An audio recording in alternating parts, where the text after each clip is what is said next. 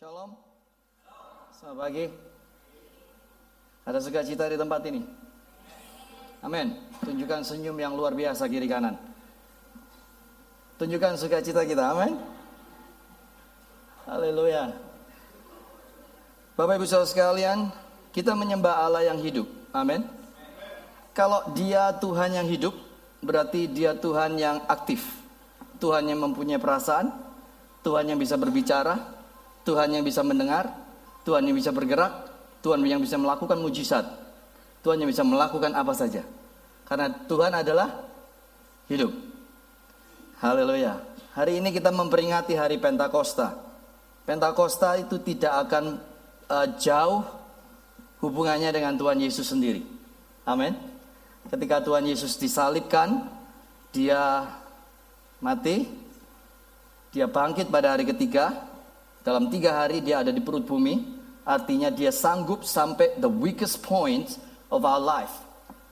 Dia akan bersama kita sampai pada waktu the weakest point of our life. Manusia nggak bisa, Tuhan bisa. Lalu dia bangkit pada hari ketiga. Setelah hari ketiga, dia menampakkan diri 40 hari kepada murid-muridnya. Petrus yang menyangkal Tuhan tidak percaya akan kebangkitan orang-orang kudus. Dia mengatakan, saya tidak percaya bahwa Tuhan Yesus bangkit. Sesuatu pengalamannya baru. Setelah 40 hari, maka terjadilah yang namanya pencurahan roh kudus. Amin. Jadi semua sudah dijanjikan sampai kepada Yesus uh, waktu Yesus ada di dunia ini. Bapak Ibu Saudara sekalian, saya akan berbicara mengenai teladan dan pengorbanan Yesus. Saya akan pusatkan, fokuskan kepada Yesus. Siapakah Yesus dan kita akan lihat bagaimana dia berkorban dan menjadi teladan kepada kita semua. Haleluya. Zaman ini boleh berubah, kebutuhan semakin meningkat, tetapi Tuhan kita tidak pernah berubah. Dulu, sekarang, dan selama-lamanya. Alkitab berkata, kasih kebanyakan orang sudah mulai menjadi dingin. Apa itu kasih yang dingin? Dikatakan firman Tuhan, kasih yang dingin adalah kasih yang hanya melihat diri sendiri. Zaman kebutuhan zaman sudah sangat besar, saudara. Banyak orang kita menjadi seakan-akan dibentuk seperti manusia materi gitu ya. Segala sesuatu harus mengikuti arus ekonomi zaman. Tetapi ingat satu hal, bahwa Yesus Kristus tidak berubah dulu, sekarang, sampai selama-lamanya. Amin. Artinya, di dalam situasi apa pun, musim apa pun di dalam diri kita, Yesus selalu bersama kita. Orang lain mungkin meninggalkan kita, tapi Yesus selalu bersama kita. Saya excited sekali dengan pelayanan di kaum muda di The Brigade sama ada satu lagi yang namanya 180. Baru cuma 10-12 orang kalau ini. Di planting hari Sabtu dan Minggu. Dan kami mendapat laporan di The Brigade sudah banyak yang terima Tuhan Yesus saudaraku. Sudah terlalu banyak. Dan pendataannya sudah banyak. Ya mereka datang tidak datang itu their choice. Tapi mereka mengenal kasih Tuhan Yesus. Di ministry baru ini baru tiga orang yang mengenal uh, yang menerima Tuhan Yesus pada hari Jumat. Dan kalau saya mendengarkan berita seperti ini, seakan-akan seperti uh, apa ya, seperti vitamin bagi iman saya. Saudara kalau melihat jiwa-jiwa baru menerima Tuhan Yesus, itu seakan-akan iman apa Tuhan Yesus itu sungguh suatu hal yang berharga. Gitu kan? Maka dari itu kita berlomba-lomba untuk kita mau bawa jiwa-jiwa ke Tuhan. Amin. Apa pun harganya. Oke, kita akan mulai dengan slide ya. Eric, are you ready? Teladan dan pengorbanan Tuhan Yesus. Uh, ada dua, dua slide saya akan cuma membaca. Jadi perhatikan ini karena saya akan berbicara mengenai penyalipan Tuhan Yesus. Saya akan berbicara bagaimana dia disalib. Inilah kegerakan, inilah karya yang teragung yang pernah terjadi di dunia ini. Dan dicatat di dalam sejarah bahwa ada seorang yang bernama Yesua atau Yesus. Yesus Kristus itu mati disalib di bukit yang namanya Golgota. Next one, Rick. Kecil ya kekecilan. Saya akan bacakan. Penyalipan. Penyalipan adalah sebuah bentuk eksekusi yang pelan-pelan dan sangat menyakitkan di mana sang korban diikat dan dipaku di atas kayu berbentuk salib dan dibiarkan tertinggal tergantung hingga mati. Penyalipan adalah salah satu bentuk hukuman mati yang sangat menyakitkan, sangat kejam, dan sangat menghina yang pernah diciptakan oleh manusia. Penyalipan diciptakan dan digunakan oleh orang-orang Persia pada masa sekitar 400 before Christ. Alexander the Great membawa perlakuan hukuman ini dari Mesir dan kota Kartago kuno yang terletak dari Afrika Utara. Di mana bangsa Romawi mengenal jenis hukuman ini dan dikembangkan dalam kemampuan dan tingkat efisiensi yang sangat tinggi dengan mengganti beberapa cara dalam melakukannya untuk mencapai tingkat puncak kesakitan dan hukuman mati tersebut. Penyalipan sering kali digunakan untuk menghukum para politisi atau pemuka agama yang provokatif yang sering menggerakkan massa untuk kepentingan politik tertentu. Ini orang Farisi dihukum. Bajak laut, para budak-budak dan mereka yang tidak mempunyai hak-hak kebebasan berpolitik.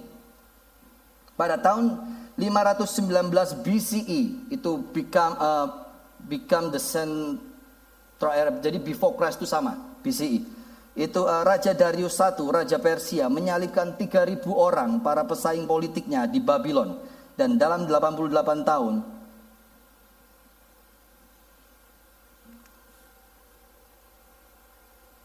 Ya. Alexander ya, ya Alexander Janus, Raja Yehuda, Yudea menyalibkan 800 saingannya orang Farisi dan Pontius Pilatus akhirnya menyalibkan Yesua dari Nazaret disalibkan di Bukit Golgota. Haleluya. Next one, slide-nya. Dua slide saya akan cuma membaca.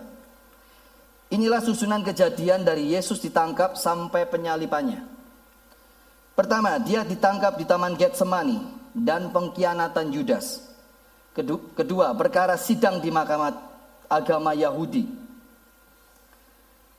Eh, dengan Hanas, Hanas ini mertuanya Kayafas. Kayafas itu pada waktu itu imam besar di Sanhedrin. Perkara sidang di mahkamah agama Yahudi dengan Kayafas, jadi dibalikan kepada imam besar. Hukuman sudah diputuskan di mahkamah agama tertinggi Sanhedrin. Kematian Yudas, perkara sidang Mahkamah Romawi dengan dengan Pontius Pilatus, perkara sidang Mahkamah Romawi dengan Herodes, perkara sidang Mahkamah Romawi dengan Pontius Pilatus. Yesus dihina oleh kaum dan bangsanya sendiri. Dia dipukul, dianiaya, dan siap untuk disalibkan. Rute perjalanan Yesus dari gedung penghakiman Pilatus sampai di Bukit Golgota untuk disalibkan yang kita beri nama Via Dolorosa, penyalipan Yesus. Next one, the truth begins now. Saudaraku, bangsa Israel sepertinya dijajah oleh bangsa Romawi. Jadi bangsa Israel tidak mempunyai hak untuk menghukum mati seseorang. Bangsa Israel mempunyai mahkamah tertinggi Sanhedrin untuk menghukum seseorang asal dia mempunyai lebih dari satu saksi. Jadi kalau ada dua saksi at least dia bisa menjatuhkan hukuman salib. Dan salib ini diinherit sama uh, bangsa Romawi dari Persia. Dan cara-caranya diubah sedemikian rupa sehingga lebih menyakitkan, lebih kejam, lebih tidak manusiawi. Seakan-akan seperti itu. Nah, mari bersama-sama dengan saya karena saya akan membaca dua pasal. Kalau saudara ngantuk, bosan maka saudara nggak akan mendapat poin demi poin demi poin. Dan saya berharap dari poin dari pembacaan setiap poin kita mengerti bagaimana Yesus sudah ada di semua titik kehidupan kita. Dia sudah merasakan itu. Kita mungkin tidak mengetahui, tetapi ketika saya membuat suatu riset, membuat membaca ini banyak baca saudara. Saya mengerti bahwa saya meneteskan air mata bahwa Yesus yang kita kenal yang tiap minggu kita menyembah itu sangat-sangat luar biasa. Amin. Saudara siap? Haleluya. Matius 26 37 sampai 41.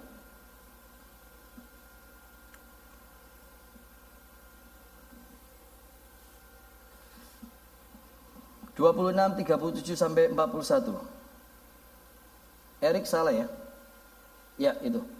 Saya akan bacakan. Maka sampailah Yesus bersama-sama murid-muridnya ke suatu tempat bernama Getsemani. Lalu ia berkata kepada murid-muridnya, duduklah di sini, sementara aku pergi ke sana untuk berdoa. Dan ia membawa Petrus dan kedua anak Sebedeus sertanya, maka mulailah ia merasa sedih dan gentar. Lalu katanya kepada mereka, Hatiku sangat sedih seperti mati, mau mati rasanya. Tinggallah di sini dan berjaga-jagalah dengan aku. Maka ia maju sedikit lalu sujud dan berdoa katanya, Ya Bapakku, jikalau sekiranya mungkin, biarlah cawan ini berlalu daripadaku, tetapi janganlah seperti yang kau kehendaki, melainkan seperti yang ku kehendaki. Setelah itu ia kembali kepada murid-muridnya itu dan mendapati mereka sedang tidur. Dan ia berkata kepada Petrus, tidakkah kamu sanggup berjaga-jaga satu jam dengan aku?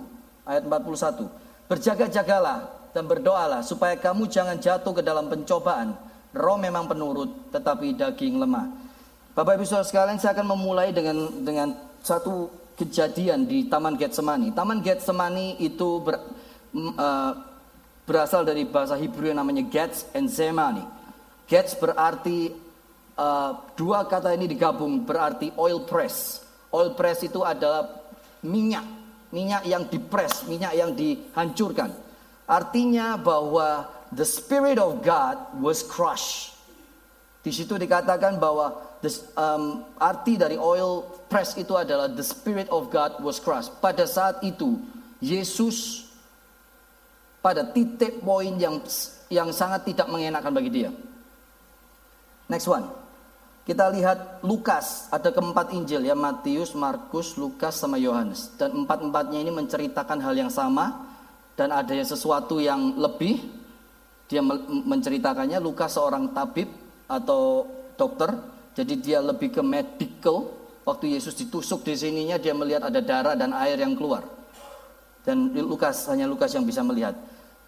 Lukas 22:44 dia berkata, "Ia sangat ketakutan dan mungkin sungguh semakin sungguh bersungguh-sungguh berdoa, pelunya menjadi seperti titik-titik darah yang bertetesan ke tanah." Mbak, saya akan bacakan Inggrisnya. And being in anguish, he prayed more earnestly, and his sweat was like drops of blood falling to the ground. Satu hal, satu yang bisa saya nomor satu yang bisa saya katakan di sini, Yesus ber, uh, firman Tuhan berkata, Hatiku sangat sedih seperti mau mati rasanya. Next one Eric. Firman Tuhan di dalam NIV berkata gini. My heart is overwhelmed with sorrow to the point of death. Saudaraku, dikatakan bahwa perlu Tuhan apa namanya keringat Tuhan Yesus itu menjadi titik-titik darah Berarti ada pembuluh-pembuluh darah yang pecah di dalam di dalam uh, apa namanya skull ini apa? laputan laputan uh, kepala ini. Sampai bahwa uh, apa keringat itu menjadi darah. Artinya Tuhan Yesus mengalami suatu stres yang luar biasa. Sehingga secara manusia ada darah yang keluar dari kepalanya. Pertama, Tuhan tahu apa itu takut mati. Yang kedua, Tuhan ketakutan. Yang ketiga, Tuhan khawatir. Yang keempat, ada kesedihan yang mendalam. Bayangkan dia berlutut dan dia berkata, biar kalau kiranya boleh cawan ini berlalu daripadaku. Saya membaca satu riset lagi, ada satu perdebatan mengenai cawan. Ada satu kelompok orang berkata, mungkin Yesus takut mati. Itu mat, kematian itu sesuatu yang mengerikan. Tetapi ada satu perdebatan lagi yang mengatakan hanya satu yang yang yang yang Yesus takutkan adalah ketika dia menjadi rupa manusia, dia harus mati, dia harus pisah dari Bapa. Saudaraku, hukuman dosa yang terberat adalah pisah dari Bapa di surga. Ada amin? Setuju? Hukuman yang berat adalah ketika saudara dan saya dipisahkan dari Bapa di surga. Dan saya mengambil poin yang kedua ini yang paling penting. Ketika dia menjadi manusia, dia menjadi manusia 100% dengan Allah kealahannya 100%. Jadi apa namanya nature uh, uh, manusianya masih ada dengan dia. Kalau dia takut itu normal bagi dia. Dia takut dipisahkan atau merasa terpisah dari Bapa di surga. Hatiku sangat sedih, seperti mau mati rasanya. Kita tidak pernah mengalami suatu khawatir yang mungkin saudara pernah mengalami suatu khawatir yang berlebihan, tetapi mengalami suatu ketakutan sampai to the point of death. Mungkin sesuatu pengalaman yang luar biasa yang Yesus alami saat itu. Kalau saat ini kita khawatir, takut, sedih, ingat Yesus sudah mengalami. Amin. Ketika saudara stres, takut, khawatir dan sedih, ketika saudara balik ke Yesus, ketika kita berdoa kepada Yesus, seakan-akan kita sangat dekat dengan Yesus karena Dia mengerti itu semua. Haleluya. Terus lanjut, Matius 26 42 sampai 46.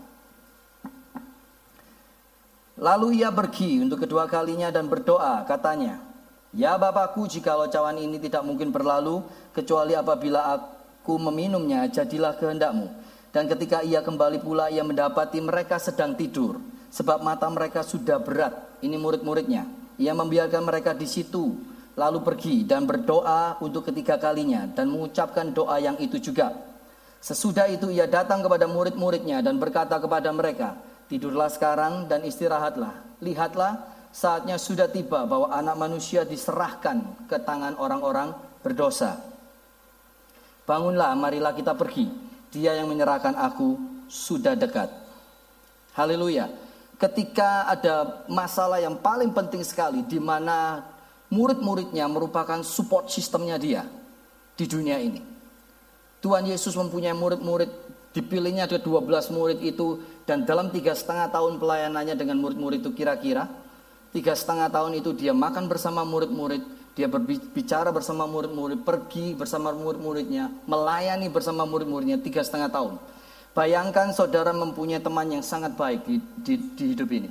Teman mulai dari kecil, ya saudaraku. Seti, secara tidak langsung teman itu merupakan support sistem kita.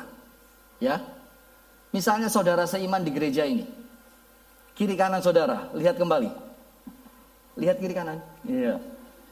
Katakan kamu support sistemku. Iya kan? Secara tidak langsung saudara seiman merupakan support sistem kita supaya kita bertumbuh di dalam kekristenan ini. Amin. Tetapi pada saat paling penting mereka tidak tahu kalau itu penting. Murid-muridnya tertidur. Matius berkata matanya berat. Apa yang bisa kita tarik dari poin ini? Yang kedua, Slide yang kedua Erik. Ya. Di NIV berkata, Are you still sleeping and resting? Ini berbicara mengenai kesibukan kita setiap hari. Seharusnya kita menjadi support sistem orang lain. Seharusnya kita menjadi support sistem teman-teman kita supaya mereka bertumbuh bersama-sama. Tapi kita sibuk diri sendiri. Kita tidak peduli. Yang kedua, tidak peduli, seperti saya katakan. Yang ketiga, ini merupakan zona nyaman. Kira-kira begitu. Kita menjadi orang Kristen harus bertumbuh. Harus mengatakan Tuhan, kalau saya ada di dalam satu sonya ini saya akan keluar untuk tetap melayanimu. Kita tidak boleh ada di dalam zona nyaman. Yang ketiga, alasan pelayanan dengan Tuhan Yesus adalah alasan terlalu capek. Bayangkan kalau saudara seiman, semua capek saudara. Support sistemnya itu tidak kelihatan saudara. Support sistemnya itu tidak terasa gitu kira-kira. Kemalasan. Ini sering sekali dikotbahkan oleh Bapak Gembala kita. Kemalasan ini luar biasa menjangkiti kita kira-kira. Tidak memperhatikan yang terpenting or unaware of the most important thing. Kita kadang-kadang melakukan sesuatu yang important. Between important and the very important is very different. Ya kan? Mari kita balik ke dalam hal-hal yang paling penting. Apa nilai-nilai kekristenan? Kapan terakhir saya membawa jiwa kepada Tuhan? Kapan terakhir saya membicarakan firman Tuhan kepada orang lain? Dan kapan terakhir saya menjadi support system teman-teman saya atau saudara seiman? Amin. Kita adalah support system satu sama lain. Dan ketika support system itu tidak ada, ketika Yesus mau ditangkap, murid-muridnya ketiduran. Haleluya. Kita lanjutkan lagi. Matius 26, 47, 51. Waktu Yesus masih berbicara, datanglah Yudas, salah seorang dari kedua belas murid itu dan bersama-sama dia serombongan besar orang yang membawa pedang dan pentung disuruh oleh imam-imam kepala dan tua-tua bangsa-bangsa Yahudi. Orang-orang yang menyerahkan dia telah memberitahukan tanda ini kepada mereka. Orang yang kucium itulah dia, tangkaplah dia. Dan segeralah ia maju mendapatkan Yesus dan berkata, Salam Rabi, lalu mencium dia. Tetapi Yesus berkata kepadanya, Hai teman, untuk itukah engkau datang? Maka majulah mereka memegang Yesus dan menangkapnya. Tetapi seorang dari yang mereka dari mereka yang menyertai Yesus mengulurkan tangannya, menghunus pedangnya dan menetakkannya kepada hamba imam besar hingga putus telinganya. 26:52 sampai 56. Maka Yesus berkata kepadanya, Masukkanlah pedang itu kembali ke sarungmu, sebab barang siapa menggunakan pedang akan binasa oleh pedang. Atau kau sangka bahwa aku tidak dapat berseru kepada Bapakku supaya ia segera mengirim lebih dari 12 pasukan malaikat membantu aku. Jika begitu bagaimanakah akan digenapi yang tertulis dalam kitab suci dan mengatakan bahwa harus terjadi demikian. Pada saat itu Yesus berkata kepada orang banyak, sangkamu aku ini penyamun, maka kamu datang lengkap dengan pedang dan pentung untuk menangkap aku. Padahal tiap-tiap hari aku duduk di mengajar di bait Allah dan kamu tidak menangkap aku. Akan tetapi semua itu terjadi supaya genap yang ada tertulis dalam kitab-kitab Nabi. Lalu semua murid itu meninggalkan dia dan meralikan diri. Bapak Ibu Saudara sekalian, banyak orang mengatakan bahwa kasih itu lembek, kasih itu lemah. Tapi saya menemukan satu kebenaran. Sebenarnya Tuhan Yesus bisa melawan. Amin. Dia berkata, tidak tahukah kamu bahwa saya bisa mengirim 12 pasukan di dalam terjemahan bahasa Indonesia-nya kurang lengkap saudaraku. Di dalam bahasa Inggrisnya dikatakan legions of angels. Legion mungkin seribu.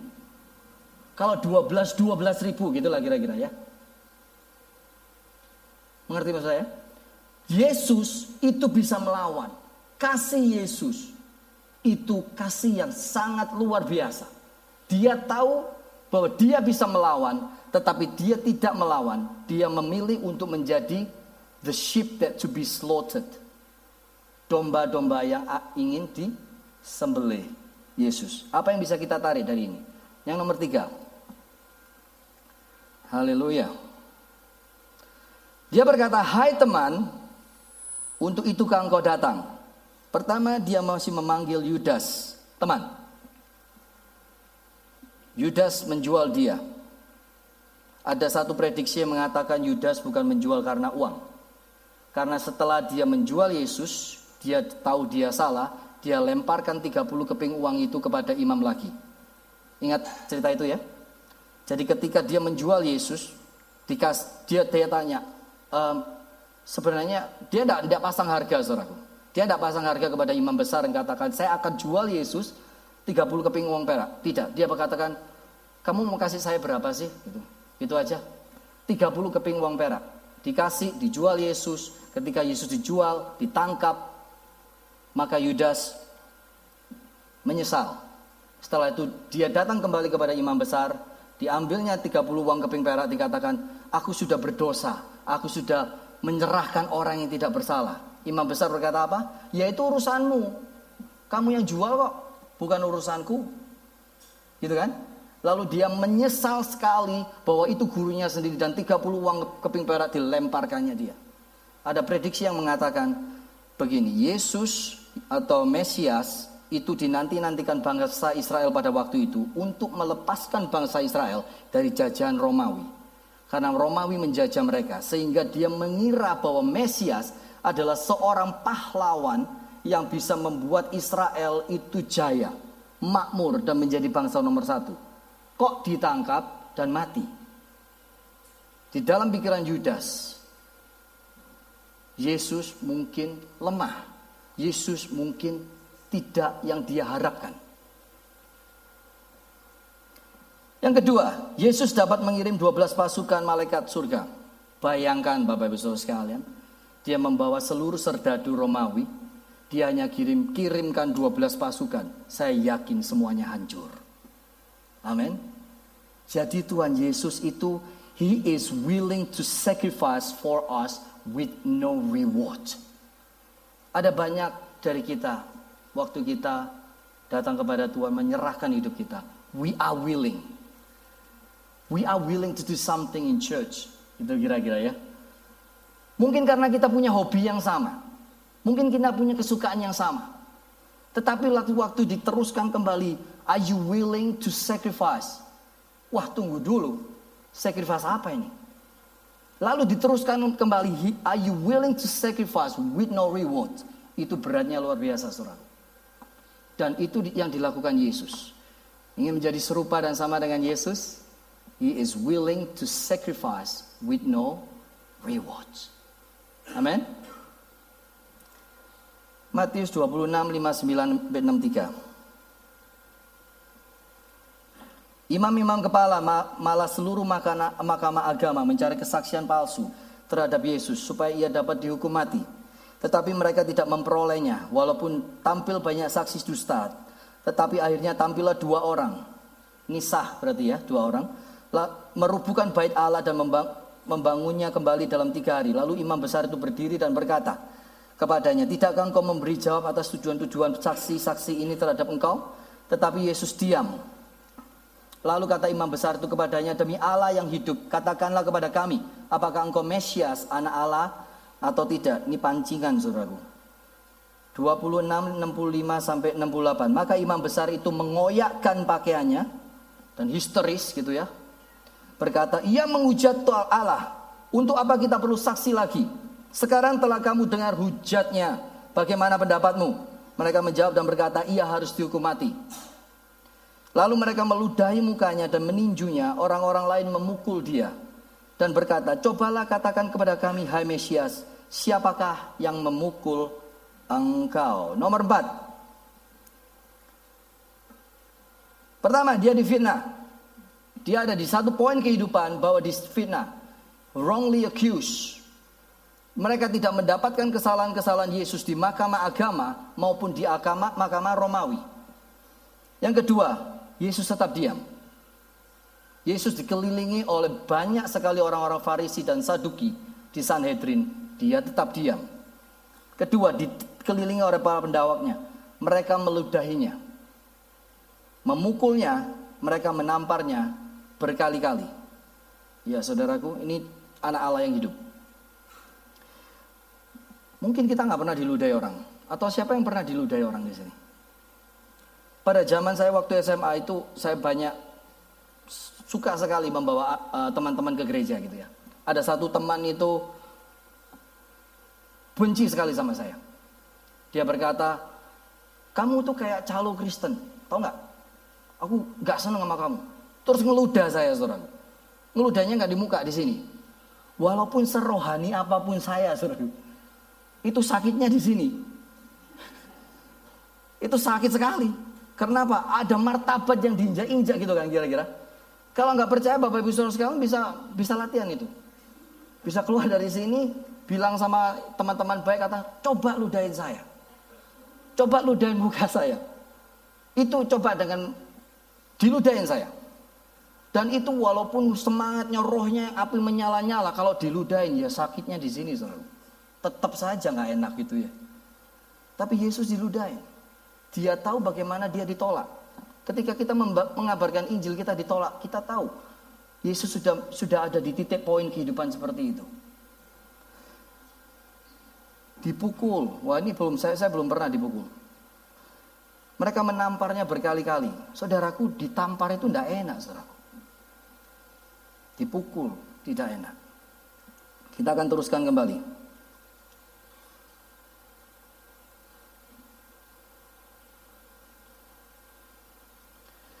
Matius 4, poin yang keempat. Ayat 23 sampai 26, poin yang keempat. Yang tadi, He did not commit any crimes. Dia tidak punya salah. Tetapi tetap akan dihukum. Sesuatu yang tidak adil. Dia mengalami suatu ketidakadilan. Di titik poin kehidupan kita banyak ketidakadilan-ketidakadilan dalam hidup kita. Tapi dia sudah merasakan, dia mengalami. Pontius Pilatus has declared that Jesus was not wrong several times. Pontius Pilatus sendiri menyatakan bahkan Herodes sendiri mengatakan mereka apa namanya kirim kirim balik ya di, dikirim ke Pilatus Pilatus kirim ke Herodes Herodes mengatakan ini orang nggak ada salahnya kirim balik ke Pilatus jadi tidak berani menghukum gitu ya Pontius Pilatus sendiri berkata ini orang tidak bersalah Haleluya Matius selanjutnya saya akan beritakan. Saya tidak ada anunya ya, uh, Indonesia-nya. Next one Eric. Sorry, saya akan baca Inggrisnya, saya lupa kasih Indonesianya. Then the governor's soldier took Jesus into the praetorium. Praetorium itu uh, suatu hall yang besar di mana semua prajurit yang menganiaya berkumpul. Lalu ada sebuah balok di tengah. Biasanya orang itu disuruh tunduk dan diikat itu prayo, prayo, prayo, apa itu? Praetorium. Diikat lalu dicambuk di belakangnya dan sebagainya. And gathered the whole company of soldiers around him. They stripped him and put a scarlet robe on him. And then twisted together a crown of thorn and set it on his head. They put a staff in his right hand and they knelt in front of him and mocked him. Hail, King of Jews, they say. They spit on him and took the staff and struck him on the head again and again. After they had mocked him, they took off the robe and put his own clothes on him. Then they led him away to crucify him. Haleluya. Setelah di praetorium dia diikat di sebuah balok kayu. Habis itu mereka sujud menyembah dan diejek, dihina. Dia katakan, "Hail the King of Jews." Kamu yang mengatakan bahwa kamu adalah raja orang Yahudi. Dia memakaikan mahkotanya, duri Yerusalem itu sepanjang kira-kira 12 cm dan sangat tajam sekali. Saya akan tunjukkan nanti. Dipakaikannya ke kepala, bukan cuma dengan hati-hati, tetapi ditwisted. Supaya lebih masuk ke dalam. Itu yang dilakukan. Nah sekarang kita akan lihat gambar-gambar ya. Seperti ini kira-kira ini ini dari Passion of the Christ gambar dari mahkota duri. Sekali lagi. Terus Erik. Lah inilah sepertinya praetorium. Saya menemukan gambar ini dengan cambuk yang seperti itu dan diketahui bahwa di cambuknya di ujungnya ada um, tulang, tulang yang sangat kuat. Jadi ketika disabetkan ke dia itu nggak langsung kayak splash gitu, tapi mancep dulu, lalu ditarik dagingnya, saudaraku. Mancep, tarik dagingnya begitu, kira-kira. Gambar lagi, Erik. Saya ingin saudara virtualis apa namanya melihat secara virtual ya melihat gambar-gambar ini dan bisa merasakan. Ini dari Passion of the Christ.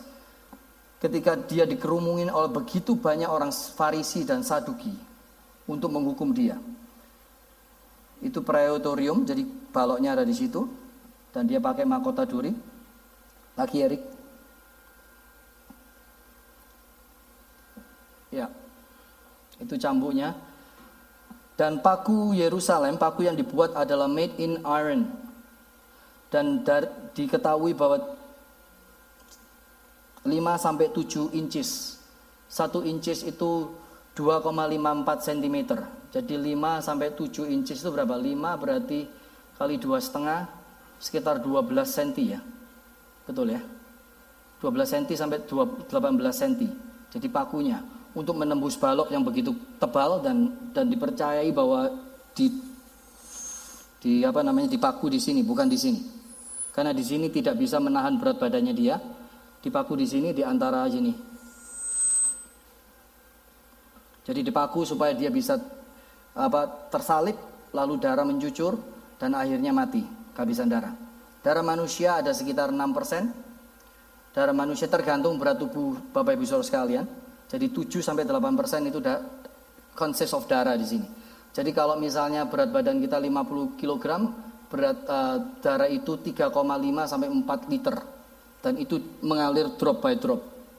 Ya, hukuman mati pada saat ini adalah ditembak atau di di apa namanya disuntik dilakukan secara secara manusiawi secara tepat. Oke, selanjutnya Perjanjian baru menjelaskan tempat eksekusi penyalipan Yesus yaitu Golgota adalah dekat kota utama dan di luar tembok kota utama. Berat dari kayu salib itu mungkin sekitar lebih dari 136 kg.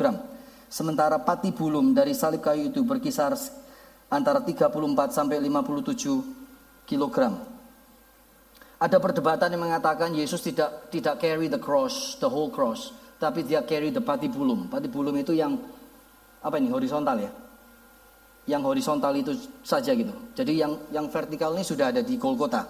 Jadi dia tinggal dimasukin. Tetapi firman Tuhan berkata, He carry the cross. Saya tidak tahu itu mana yang betul. Jadi saya pikir saya akan mengikuti firman Tuhan. Tapi kalau dilihat dari riset yang ada bahwa 134 kilo untuk bisa ngeheng tubuhnya dia sendiri di kayu salib. Paku-pakunya seperti tadi saya sudah katakan 5 sampai 7 inch. Matius 27 32 sampai 37. Saudara masih ingin mendengar firman Tuhan? Amin. Matius 30, 27 32 sampai 37. Ketika mereka berjalan keluar kota, mereka berjumpa dengan seorang dari kiranya bernama Simon. Orang itu mereka paksa untuk memikul salib Yesus. Maka sampailah mereka di suatu tempat yang bernama Golgota, artinya tempat tengkorak. Lalu mereka memberi dia minum anggur bercampur empedu. Setelah ia mengecapkan mengecapnya, ia tidak mau meminumnya.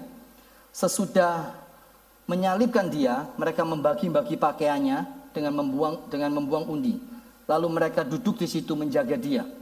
Di atas dan di atas kepalanya terpasang tulisan yang menyebut alasan mengapa ia dihukum. Inilah Yesus orang Yahudi. Lalu di situ saudara bisa lihat di dalam Ayat selanjutnya 38 Erik in English. Ketika dia udah digantung, seperti kita ketahui ada dua penjahat di kiri kanannya. Satunya malah sudah mau mati tapi masih terus menghina gitu ya. Dan sebagainya. Apa yang bisa kita pelajari? Nomor lima.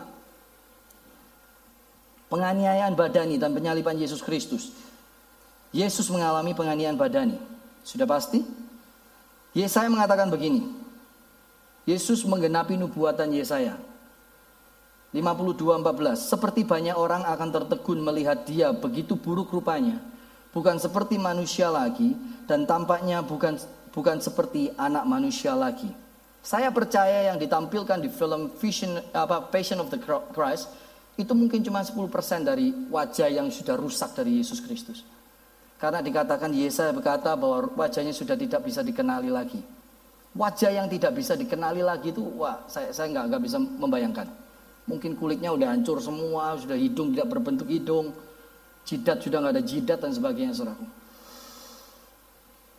Dihina berkali-kali, direndahkan dan diolok-olok di depan umum dan orang banyak. Saudaraku, Yesus sudah dalam poin kehidupan seperti itu.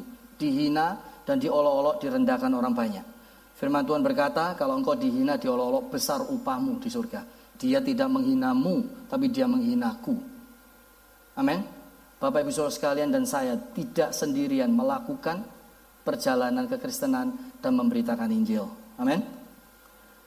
27.45 saya sudah selesai, hampir selesai 27.45 sampai 50. Mulai dari jam 12 kegelapan meliputi seluruh daerah itu sampai jam 3. Kira-kira jam 3 berseluruh Yesus dengan suara nyaring, Elai, Elai, lama sabaktani. Artinya Allahku, Allahku, mengapa engkau meninggalkan aku? Mendengar itu beberapa orang yang berdiri di situ berkata ia memanggil Elia. Dan segeralah datang seorang dari mereka yang mengambil karangan bunga. Mengambil um, bunga karang, mencelupkannya ke dalam anggur asam. Lalu mencucukkannya pada sebatang bulu dan memberi Yesus minum. Tetapi orang-orang lain berkata, Jangan, baiklah kita lihat apakah Elia datang dan menyelamatkan dia. Yesus berseru pula dengan suara nyaring lalu menyerahkan nyawanya. Kita sampai Matius 27, 51, 54. Ini ayat terakhir dari Matius yang akan saya baca. Perhatikan baik-baik, ini yang terjadi. Selama tiga jam dia tergeletak. Jadi selama tiga jam itu gelap sekali. Tiga jam, dari jam 12 sampai jam 3. Dia tergantung tergeletak oh, tergantung di atas. Setelah itu dan lihatlah tabir bait suci terbelah dua. Ini sesudah jam 3 dan atas dari atas sampai ke bawah dan terjadilah gempa bumi dan bukit-bukit batu terbelah dan kuburan-kuburan terbuka dan banyak orang kudus yang telah meninggal bangkit dan sesudah kebangkitan Yesus mereka pun keluar dari kubur lalu masuk ke kota kudus dan menampakkan diri kepada orang banyak banyak orang kepala pasukan dan prajurit-prajuritnya yang menjaga Yesus menjadi sangat takut ketika mereka melihat gempa bumi dan dan apa yang terjadi lalu berkata sungguh ia ini adalah anak Allah. Jadi ketika dia sudah mengembuskan nampaknya terakhir, it is, it is a finish. Lalu terjadilah sesuatu fenomena yang ajaib. Firman Tuhan berkata, orang-orang kudus bangkit dari kuburnya. Dan bukan cuma bangkit, tetapi menampakkan diri. Bayangkan Bapak Ibu sekalian, di kota itu, di Bukit Golgota itu terjadi um, apa namanya penampakan diri roh-roh orang-orang kudus. Mungkin saya bisa bilang disinari dengan cahayanya Tuhan sendiri dan itu mengelilingi seluruh kota Yerusalem. Dan dia berkata, dan fenomena itu dilihat oleh bangsa Romawi, orang-orang Yahudi, Farisi dan Saduki. Mereka semua melihat keajaiban itu. Mereka bangkit bersama-sama dengan Yesus. One day kita juga akan bangkit. Amin. Orang-orang kudus akan bangkit dari kuburnya. Haleluya. Filipi 3 10 sampai 11 berkata begini, "Yang ku kehendaki Paulus ialah mengenal Dia dan kuasa kebangkitannya dan persekutuan dalam penderitaannya, di mana aku menjadi serupa dengan Dia dalam kematiannya, supaya aku akhirnya beroleh kebangkitan dari antara orang mati." Haleluya. He is willing to sacrifice with no reward. Dia bisa melawan. Dia adalah pencipta. Kita akan melihat satu video selama enam menit. Dan mari kita duduk tenang. Memikirkan